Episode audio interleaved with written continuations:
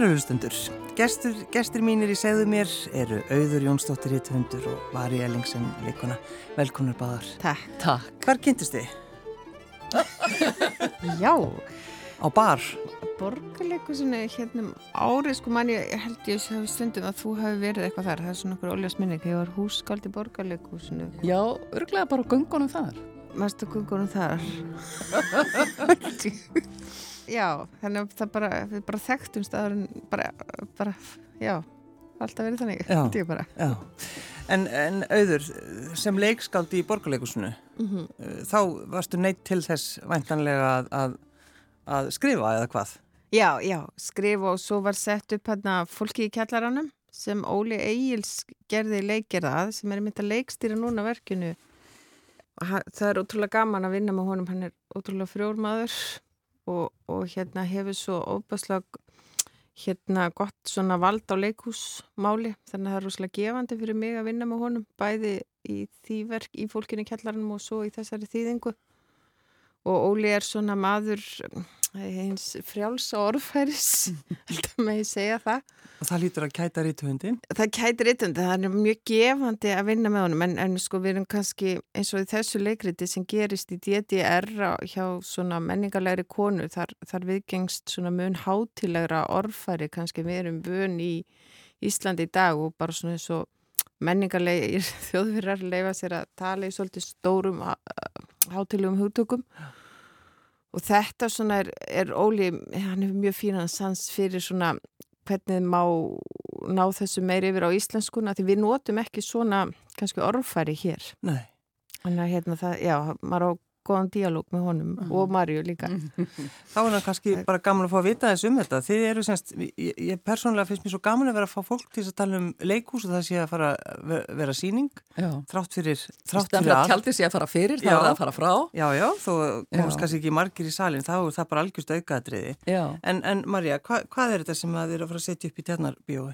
Heyrðu, við erum að fara að setja upp uh, ein leik sem að heitir Það sem er eða Det der er. Þetta er dans, danstverk eftir veljónaskaldi Petir Asmussen Mm. uh, og hann er að leika sér á orðanum Det der er og DDR hann, að því hann er að vísa í Austu Þískaland og þetta verk fjallar um forbóðna ást á tímum allræðis og, og þannig eru brefaskipti milli giftrar þýskar, þýskrar konu sem á elskuða í Kaupmannahöfn. Og þau eru að reyna að halda ástarsambandinu gangandi þrátt fyrir múrana Mm. eða múrin sem er á milliðra og, og svona tengir okkur svolítið við múrana sem er á milli landa og fólks núna sem að maður að reyna að halda vináttur samböndum og alls konar samböndum gangandi og maður næri ekki að hitta neitt Nei, nei. Og reyna að vera jákvæður. og reyna að vera jákvæður. Það er nú La, laga ástina að skilirtum veruleika já, já. komlega.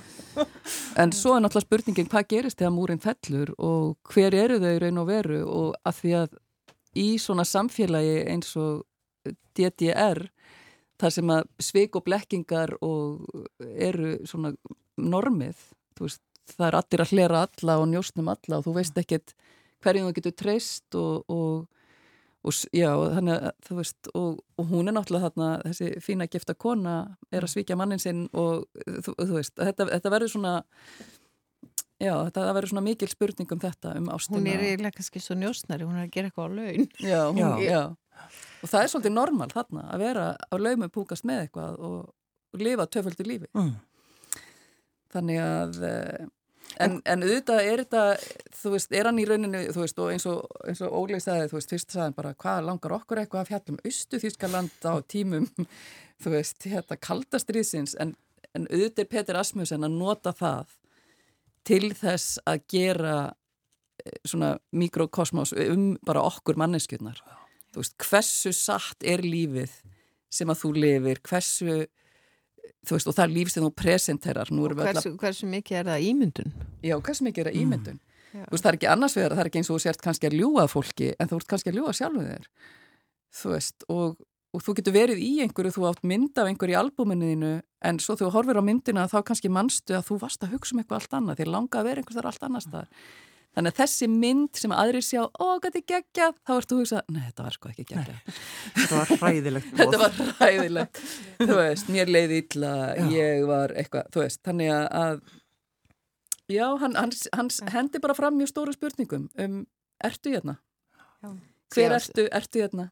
sem eru algildar í rauninni sko. Algildar, já. En þetta er líka samtalið sjúkla áhugavert sögusvið, DDR og bara ótrúlegar sögur þann og hún er náttúrulega að lýsa sínum veruleika í brefum, sínum daglega veruleika Já. í þessu umhverfi Já. sem hún er alveg bundin af það eitt út af fyrir sig er, er mjög áhugavert Já.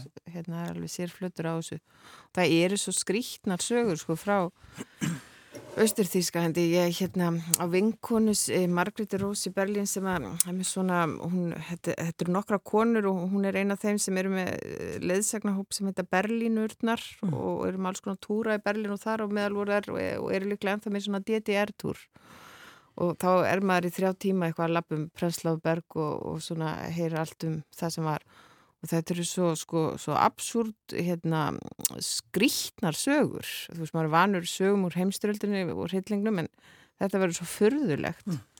og ég man eftir einni sögu sem hún sagði í svona túr og það var á konu í Östuðísklandi sem fór í kirkju og það var njósnaðum hana. Og hérna hún var læknir, badnalæknir og hérna það var bara svona alls er njósnað neti í kringum hana. Þannig að allt sem hún sagði í vinnunni var viðfengt það var hún bara með svona hyrða fólki til að draga allt í efa sem hún sagði. Og meðan hún var í vinnunni þá var alltaf einhver sendur heim til hennar og láti henn breyta einhverju litlu atriði draga gardinu aðeins lengri nú var morgunin snúa við einhverjum vasa, þú veist, gera eitthvað. Þannig að smám saman fer hún að evast meira og meira um, um eigin bara svona eigin, eigin skinnjun og, og geðhelbriði og rétt árnum úr hún fellur þá er hún bara orðin sem sagt eh, komið geðra en vandamál og en hérna til sem var ætlunin mm. allan tíman mm. en það eru til sko alveg bara fjöllin af skýrslu því allt var nákvæmlega skráseppar í dag fór þessi og letur þú veist drippla aðeins úr krananum og í þú veist dag fór þessi og, og snýri við púða og hérna og þetta, þetta bara, verður svo störtlu lesning ja, svo, þetta er náttúrulega bara eins og skaldskapur en, en, en svo er þetta bara ekki skaldskapur svo er þetta ekki skaldskapur og miklu brjálar of eldur en og yfirleitt þegar við erum að hugsa um eitthvað svona þá er það langt í burtu og fyrir löngu síðan. Já, en þetta er, þetta er bara örstutt flug og þetta er bara mjög stutt síðan. Þú veist, mér finnst ég ekkert rosa gömul og samt er þetta bara þú veist, samt er ég búin við stúdentpró og blaðamar á mokkanum þegar, að, þegar þetta var í gangi sko. Veist, þannig að þetta er bara inn í miðri Evrópu á okkar tímum sem að svona viðgengst. Og þegar fólk gerði sér grein fyrir þessu líka bara þegar þjó, sko heimurinn. Já, Heim, já átt að þess á. Já, já. En svo er skrítið að maður getur hitt sko eins og í Berlin svona þjóður og þekkir sem að hafa svona smá nostalgíu líka til þessa tíma. Því þetta var svo allt umöfjandi líka örugur heimur að öðru að vissuleiti sko. Já, að vera í... Já. Þetta er svolítið eins og að vera í fangelsi, þú veist, það er ákveð öryggi í því. En Já. það var líka annað sem að, hérna, hérna svona, að það var til dæmis kannski ríkjandi meira kvennfrels í Östu Þískalandi heldur en í vesturinu sem var kannski íhaldsamara þýletinu meðan konundum voru að fara út á vinnumarkaðin í Östu Þískalandi og kannski ekki eins sama borgarlega viðmiði þar. Þú veist ekki að maður heita maður í hátteginu Já, já, það er alls konar svona skemmtileg núansar í þessu. Þannig að þess vegna kannski sem að fólk hugsa já, muniði þennan tíma já, eða, eða slíkt já. Og hérna bróði minn tók svona dóttarskráði líðfræði og hérna leifbjörnundinas hafi lært í Rostock sem er svona hufustöðar líðfræði mm. og hann sagði að hérna ekkert tíma þessi maður með að það var margt líkt með sko austurþjóðurum og norðurlandabúum og Íslendingum að því að hérna það er svona ákveðin öryggis, eh, það er bara svona sósílískari heimur. Mm -hmm. meiri, meira svona síða fyrir ákveðinu þörfum. Mm. og það er svona liti ákveðið eitthvað samfélagslegt attitút, sko það sé, sé einhverja, já. Norðurlanda búið til dæmis já, samkvæmt honum að það voru líkari austur þjóðurum heldur til dæmis fólki frá Suðu Þýskalandi út af samfélagsgerði mm. En það lítur að vera gaman að fara í þessu göngu með þessum stæðum Já, það er rosa gaman og heyra, heyra þessa sögur. En, en Marja, hvar kynist þú verkum Peters Rasmussen? Já, ég, ég heitti mitt Pál Baldun í apotekja og hann sagði, hvað hva, hva, hva heitlaði svona þegar hann kall? Ó, hljóminn svo hann. Hva, hvað er máli? Getur við verið með Páls Baltins eftir hermur hérna? Hann er, ég vona hans ég að hlusta. Ég, ég, ég var bara, stóð þarna bara við, við hérna vítaminhilluna og bara þurfti að svara þessu bara í gæðir. en já, ég tók þátt í leiklestri á verki eftir Petur Asmussen sem að hétt Engin heitir einhvern mm. uh, í norrænu leikhús leikskáldarlestinni og ég var að leiklesa þarna nokkur verk en þetta einhvern veginn algjörlega náði mér. Og í salnum var Símon Bóberg sem að hafði leikstýrt þessu í frum uppfæslu mm. og, og gert frum uppfæslur af mjög mörgum verkum Petur Asmussen og þekkti hann náið. Og hann stökk bara inn á svið þegar að verkið að búið og hann sagði ég sé bara að þú ert að tengja við þetta. Ef við ekki að setja þetta upp á Íslandi? Og það einhvern veginn kom boltanum á stað og, og ég setti þetta upp fyrir nokkur árum í Norrænahúsinu og það, þetta er verk það sem er svona, svona verk það sem er bara maður og kona í 16 svona örsenum bara allar útgáður að því að vera maður og kona þú veist. Hún elskar hann, hann elskar hann ekki. Hann, hún, hann elskar hann, hún elskar veist, bara, hún vil bann, hann vil ekki bann veist, þetta er bara svona dugg, dugg, dugg, dugg og, og, og ótrúlega skemmtilega en á sama tíma þá kom Símón með þetta verk og saði og svo gerur þetta næst og þetta er svona búið að vera á borðinu hjá mér og svo núna í þessum aðstæðin sem við erum og kringustæðin sem við erum þá hugsa ég ef að þetta er ekki tíminn mm. til að setja upp verk þar sem eru múrar á millokkar þar sem við erum föst þar sem við, þú veist þá, þú veist, þá kemur hann aldrei sko þannig að mér fannst þetta bara að vera ekta tími til að gera þetta verk. Ég hef aldrei sett upp einleg fannst það alltaf svona frekar leiðileg tilugsun að vera einn að leika en áttaði mér náttúrulega ekki á því að það að vera með leikstjóra, og tala hann ekki um leikstjóra eins og Óla, að þá er, þá er við náttúrulega bara að leika tennis af miklu móð mm. og pingpongar þarna yfir borðið og, og, og, og svo náttúrulega að vinna með þýðingunum með auði, þú veist að því að textin er svo magnaður í þessu að, að þá er þetta alls ekki búið reynmannilegt. Nei, nei. Þetta er náttúrulega fáranlega vel skrifaverk það er, þú veist, það, fyrstu sín lætur að lítið yfir sér en það er alveg rosalega stert og alveg, alveg sko margþætt stert mm. það er svo já, það, það, það gerir það svo merkilegt líka sko hvaðan nær á óbáslega látlausan og hitt meðan hátt að, að gera svona kröftugt og tilfinningaríkt verk já. og það slær mann alveg einhvern veginn út af út af lægin og, það, og við, við upplýðum það öll, ég og Mari og ég held alveg örgla Óli líka því oftar sem maður lasi þetta verk því meira svona undrandi varmaður og því svona sterkara varða og það er svolítið eins og tónlist. Það er sko bara, það er alveg setningar sem er alveg nöytt að lesa aftur og aftur. Gefur aftur í tundurinn og tala við okkur. Skaldið Marja Nei, auður segja ég. Já, er líka Marja sko. Jú, jú. En talandum uh, tónlist ef við ekki heyra eins uh, úr verkinu? Jú, við erum með tónskáld sem að gera fremsamta tónlist fyrir verkið og hljóðmynd. Það er hann Ólafur Björn Ólafsson. Mm. og þannig að þetta er með metnaðafull metnaðafull síning endilega, heyrum það. Já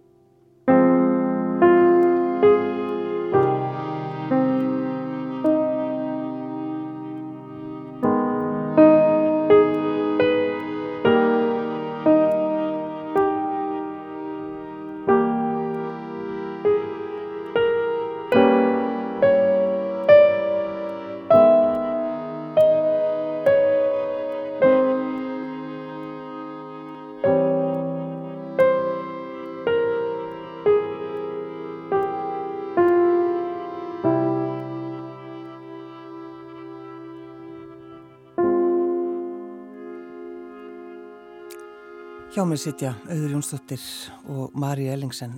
Segja okkur aftur frá uh, hver semur þetta.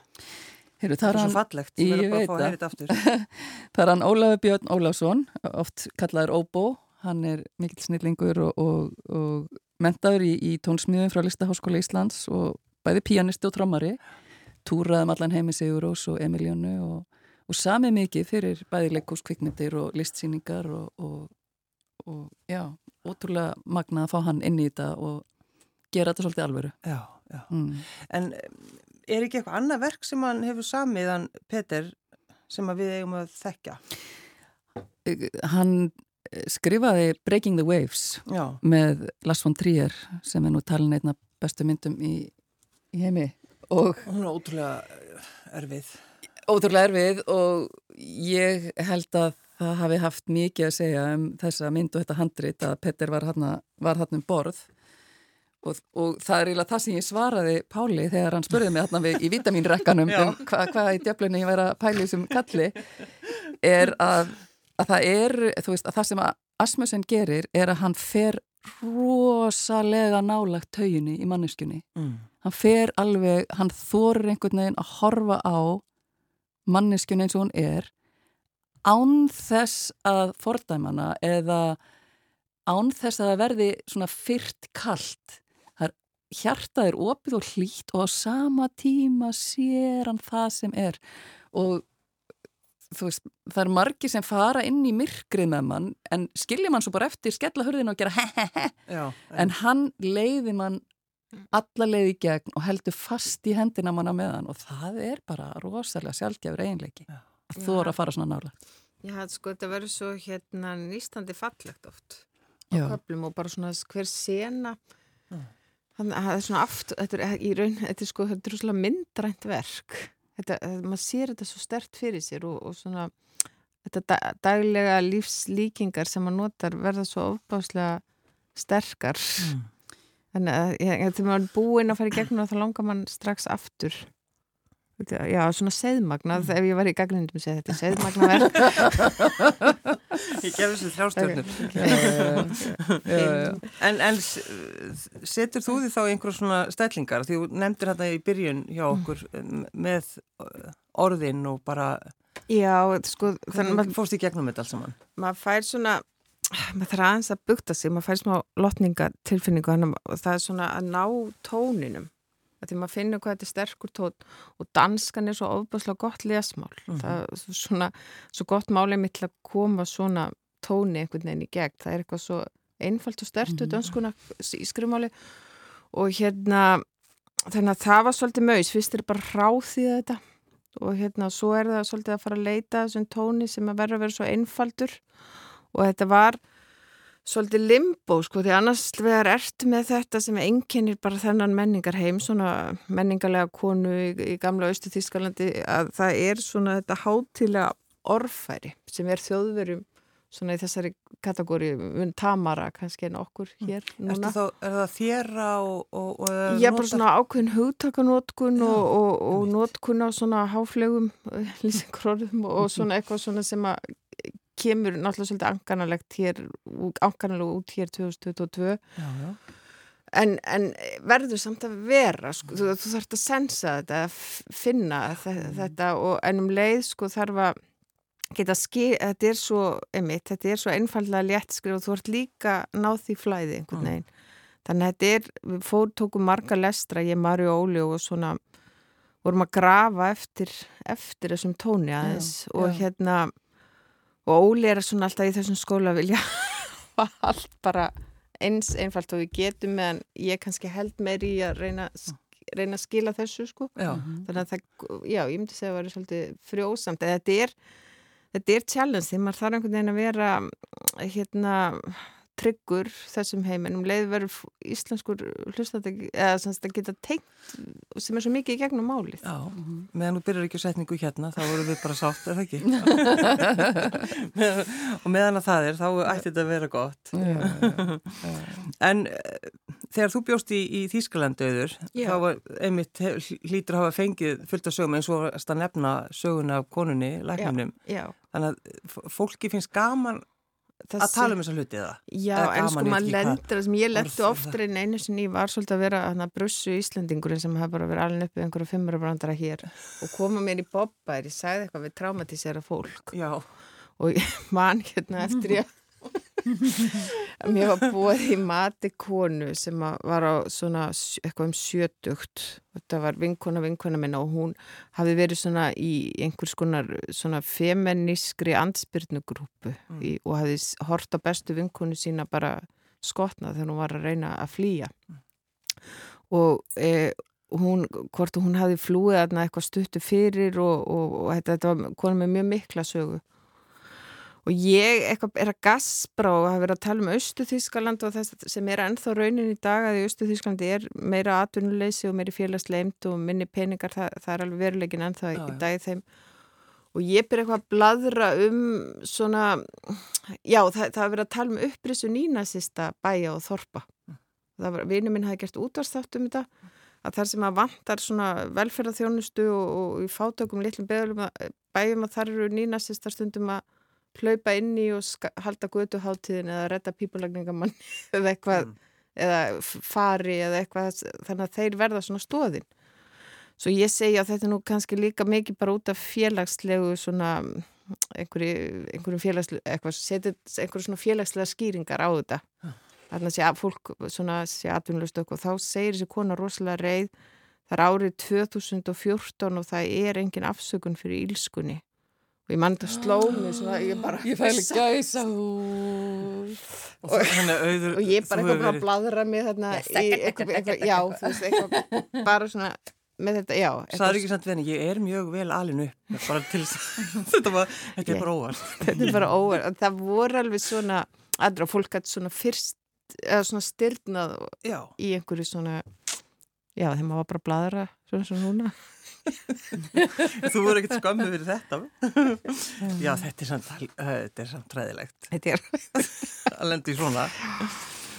En sko þið eru með þetta í tjarnabjói og, og það sem að eru draugagangur og, og, og, og góðir, góðir vættir Nákvæmlega, ég er ofta eina ganga frá og er bara Finnur þú fyrir já, draugagangi? Já, eða, þú veist, ég, bara, ég finnst loftið aðeins þykna þegar síðasti maður er farin út úr húsi og ég er aðna einn sko. Nei, ég, það, ég, sko, ég hef áður talað við fólk sem hefur verið að vinna hann og það tala allir um þetta. Já, já frábært þú skulle segja mig það núna. það, Já, þarf ekki að vinna lengi í kvöld? Jú, En er þetta góði draugar eða verri draugar? Ég held að það sé bara alveg, er þetta ekki allt saman Jú, ég hef ekki slæma til Nei, nei, nei, alls ekki. Þetta bregða sér í alls konar líki. Já, já. En þetta er alveg rosalega skemmtilegt hús og já. það er svo góður andi og góður svona leikhús og vinnu andi þarna og mikið og gott samfélag og velreikið af, af hérna flottu teimi þarna. Friðrik er búin að vera þarna stjóri og, og halda utanum, halda utanum þetta á samt sínu góða fólki. Mm -hmm. og, uh, og svo erum við náttúrulega með, uh, ég hef unnið í átt langt samstarfið Bjössa, Björn Bergstein Guðmundsson, ljósa hannuð, ljósa mestara, takk, emmitt. Og, og eh, ég fekk góðfúslegt leiði frá þjóðlikursinu til þess að fá hann í verkið og, og sömurleiðis Óla, þeir eru náttúrulega báðir fastránir í þjóðlikursinu, þannig að, að það var mjög þakklátt því að fá, að, fá, að, fá þá til liðs við mig hérna og uh, og svo er það Filipía snillingur Elistóttir sem að gera búninga eða búningin mm. og, um, og svo hann Snorri Freyr Hilmarsson með leikmynd Já. þannig að þetta er alveg svakalegt teimi en þetta er fólk sem er, ég er búin að vinna með í ára tíu þannig að hérna, þau verða náttúrulega bara alltaf frægari og frægari og fá fleiri og fleiri grímuvelun og hérna og svo hittist þau bara okkur, finnst þau vera, vera bara eins og gammallega skóla bekkur og gíslega gaman hjá okkur að fabulera En hvað getið, hvað mega margi koma núna? Sko við ákváðum strax uh, út af því að því hvernig við búum, gerum verkið að, að þetta er bara eins og þetta sé, ef þetta væri bíómynd þá væri þetta rosalega mikið close-up. Og þá þarf maður að hafa áhörundum mjög nálagt sem þýðir að við, erum, við viljum ekki nota hann með halvan salin þannig að við erum eh, við setjum marki við 70 þannig að aftari hlutin af salinum er bara í myrkri. Já. þannig að það var upplegi frá upphafi og það henda náttúrulega mjög vel núna að vera ekki að reikna með mjög mörgum. Og svo þar ekki þegar umfangið svona lítið einn kona á sviðinu að þá hefur maður efni á því að fara allt nýri 20 áhöröndur þannig að við ætlum bara að halda dampi og þú veist, mér finnst svo mikilvægt að við höldum áfram ef það er hægt. Og, og hérna til dæmis í, í Noregi að þá er það bara stefnan í leikúsinu það er bara haldið áfram og ríki borgar fyrir sætin sem má ekki nota þú veist, við erum kannski ekki alveg þar í þeirri aðstöðu en við getum er Já, við getum já. verið að láta verkin sem eru minna, með minna umfangi halda áfram að rulla og þó að það séu 20 manns eða 30 manns að það var bara haldið áfram mm. og fólk getur komið og tengt við sálinna í leikúsinu eins og við viljum að það geri Það sem er svo emitt svo stert í þessu verki, það er svona það er svo, það er svo sterk svona skinnri við því mm. Hérna Já, já, þarft alls ekki á því að halda. Ef þetta væri stand-up að þá finnist manni svolítið svona tóm tunnan það væri 20 manns en þarna bara, þó það væri einn áhöröndi þá væri þetta bara fínt sko. já, já, þannig að, að það væri þetta bara alveg að virka. Mm. En er þetta einn dagur eða er hún Nei, þetta eru þrjú ár, þetta eru þrjú ár áður en múrin fellur. Uh, aðalega mm. og svo hittu við hana 20 árum eftir að múrin fellur og sjáum hvernig henni hefur reitt af Þannig að þá fáum við að vita þá, þá fáum við, já, þá fáum við að vita, ég ætla ekki að segja hvað. Nei. Það má, má alls ekki segja um. Nei, nei, nei, nei, nei, nei. En hvernig er, er það með þig, Auður? Situr þú í, í salnum allt æfingarferðlið? Nei, ég ætla að gera þess að bara búið að vera eitthvað COVID og... Hæ?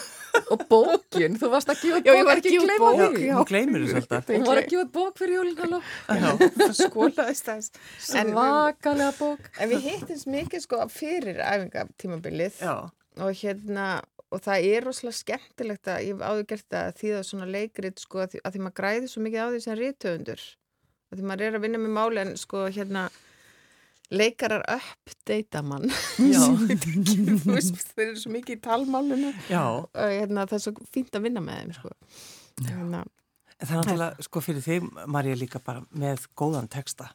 Þetta er náttúrulega bara konfettkassi sko, þetta er náttúrulega bara geggjað sko og, og svo að vinna með Óla sem hefur svona sérstaka og sterka tilfinningu fyrir texta og að því hann er líka höfundur sjálfur. einmitt, hann er höfundur sjálfur hann er höfundur sjálfur og hann er leikar, hann er leikstjóri Já. og náttúrulega þekktur fyrir bara næma persónusköpum og síninga með stórt hjarta. Þú veist, mér fannst það skipta máli að, að það væri þessi mennska og, og, og hérna, já, þetta, þetta hjarta fyrir, fyrir manneski Hann er líka með alveg svona smá undra gáðu sko í að geta, já hvernig hann svona með málið á sviði, ég bara þegar að vinna með fólkinu í kjallarinn, hvað hann ofbúslega frumlegur í svona hvernig hann eh, svona yngönguleginni inn í verk. Já, ekki, ekki, já. er það ekki rétt orða?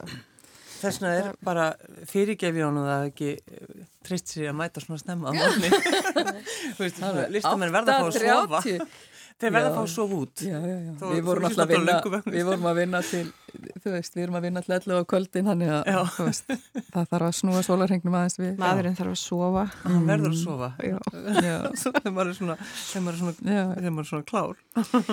En það, hérna, daldið, eh, náttúrulega leiðilegt að segja frá því að Petter Asmussen, hann kvatti hennan heim, það var 59 ára gammal, fekk eitthvað leiðilegt krabbamein og, og Danir mistu sitt besta skáld Hvað er langt síðan þetta það var? Það er 2016 uh, hann vann Raumertin Raumertverlunin, tveimdum eða viku á hann dó mm. og ég hef búin að mæla mig mót við hann, við vorum búin að skrifast á og svo kem ég út og á leiklisti háttíð og ætla að hitta hann og þá er hann bara allt í einu, hann var búin að vera náttúrulega mallandi með þetta og let bara held bara áfram, ja. þú veist hann sagði já við hittumst og svo kem ég út og þá fæ ég bara þær fréttir að hann er skindilega orðin bara mjög veikur mm. og hafði ekki komist, hann ætlaði að koma að hinga og halda masterclass í tengslum við enginn eittir einhvern og komst ekki þannig að við skrifumst á bara þarna nokkrum dögum fyrir mm. og, og kannski gaman að segja bara að hva, hver hans orð eru hann sagði til dæmis í viðtali ég leita yfirleitt aldrei upp í list til að láta skemta mér ég leita upp í list sem getur farið með mig út yfir líf og dauða út yfir stóra sársaukan og stóru gleðina mm.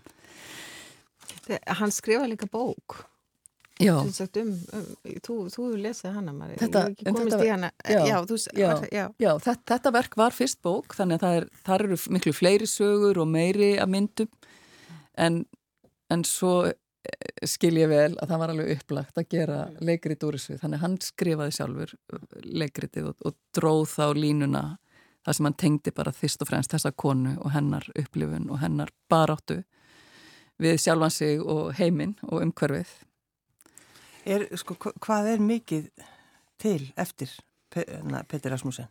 Hann hefur skrifað mikið, hann hefur skrifað bækur, ljóð, útvarsverk, leikrit, kvikmyndahandrit Já. Þannig að þú ert rétt að byrja. Þetta ég er rétt að byrja. Já, já, það verður nóg að gera hjá Marju. Það er kallið hanna. Já, já, hann segir um listina, hún getur syngt okkur litla ljóspunta eins og smásteina sem eru lagðir af fólki sem líka hefur gengið á þessum satans yfirgefna vegi. Og í leikhúsi er það hitt afar einfalda sem er mikilvægt.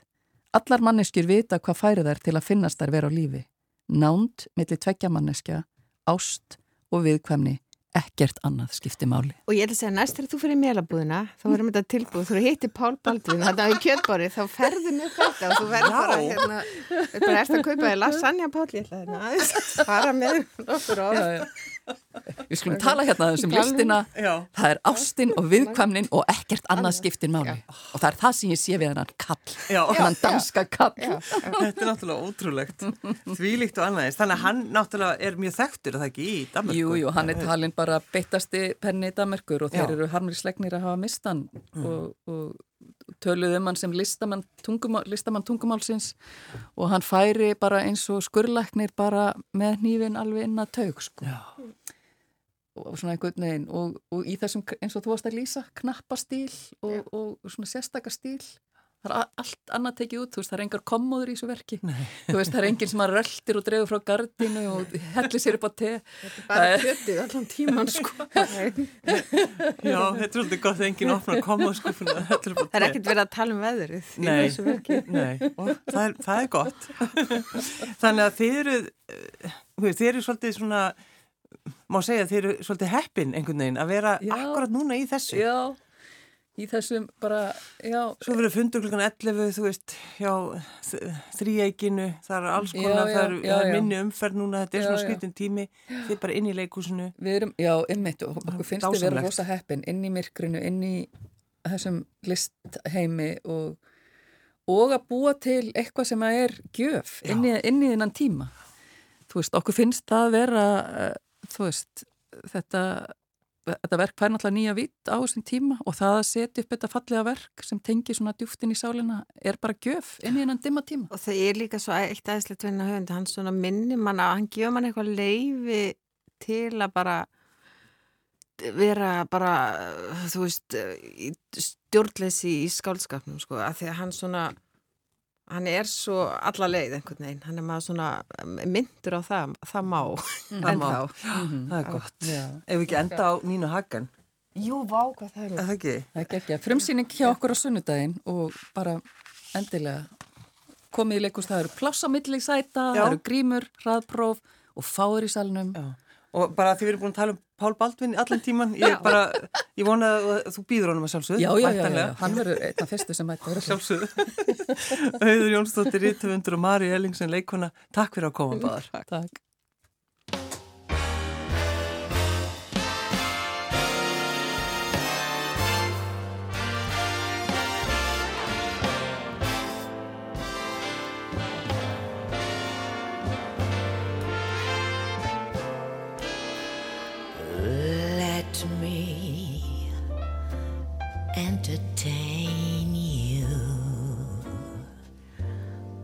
Let me make you smile.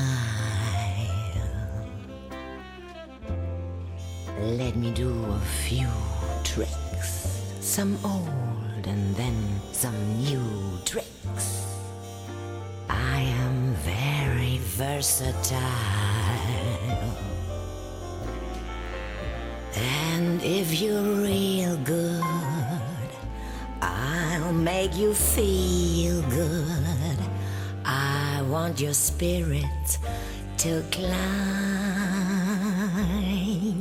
So let me entertain you, and we'll have a real good time.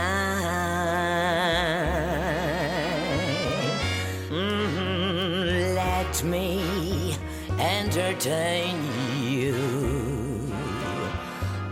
Let me, let me, let me make you smile.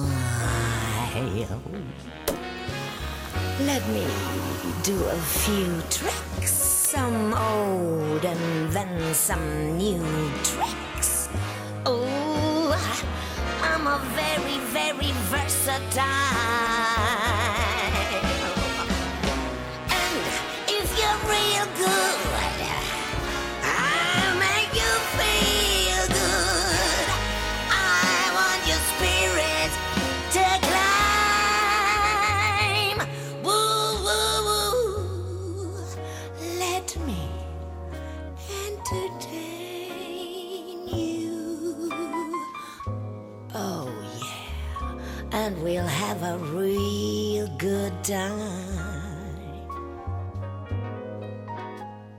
We'll have a real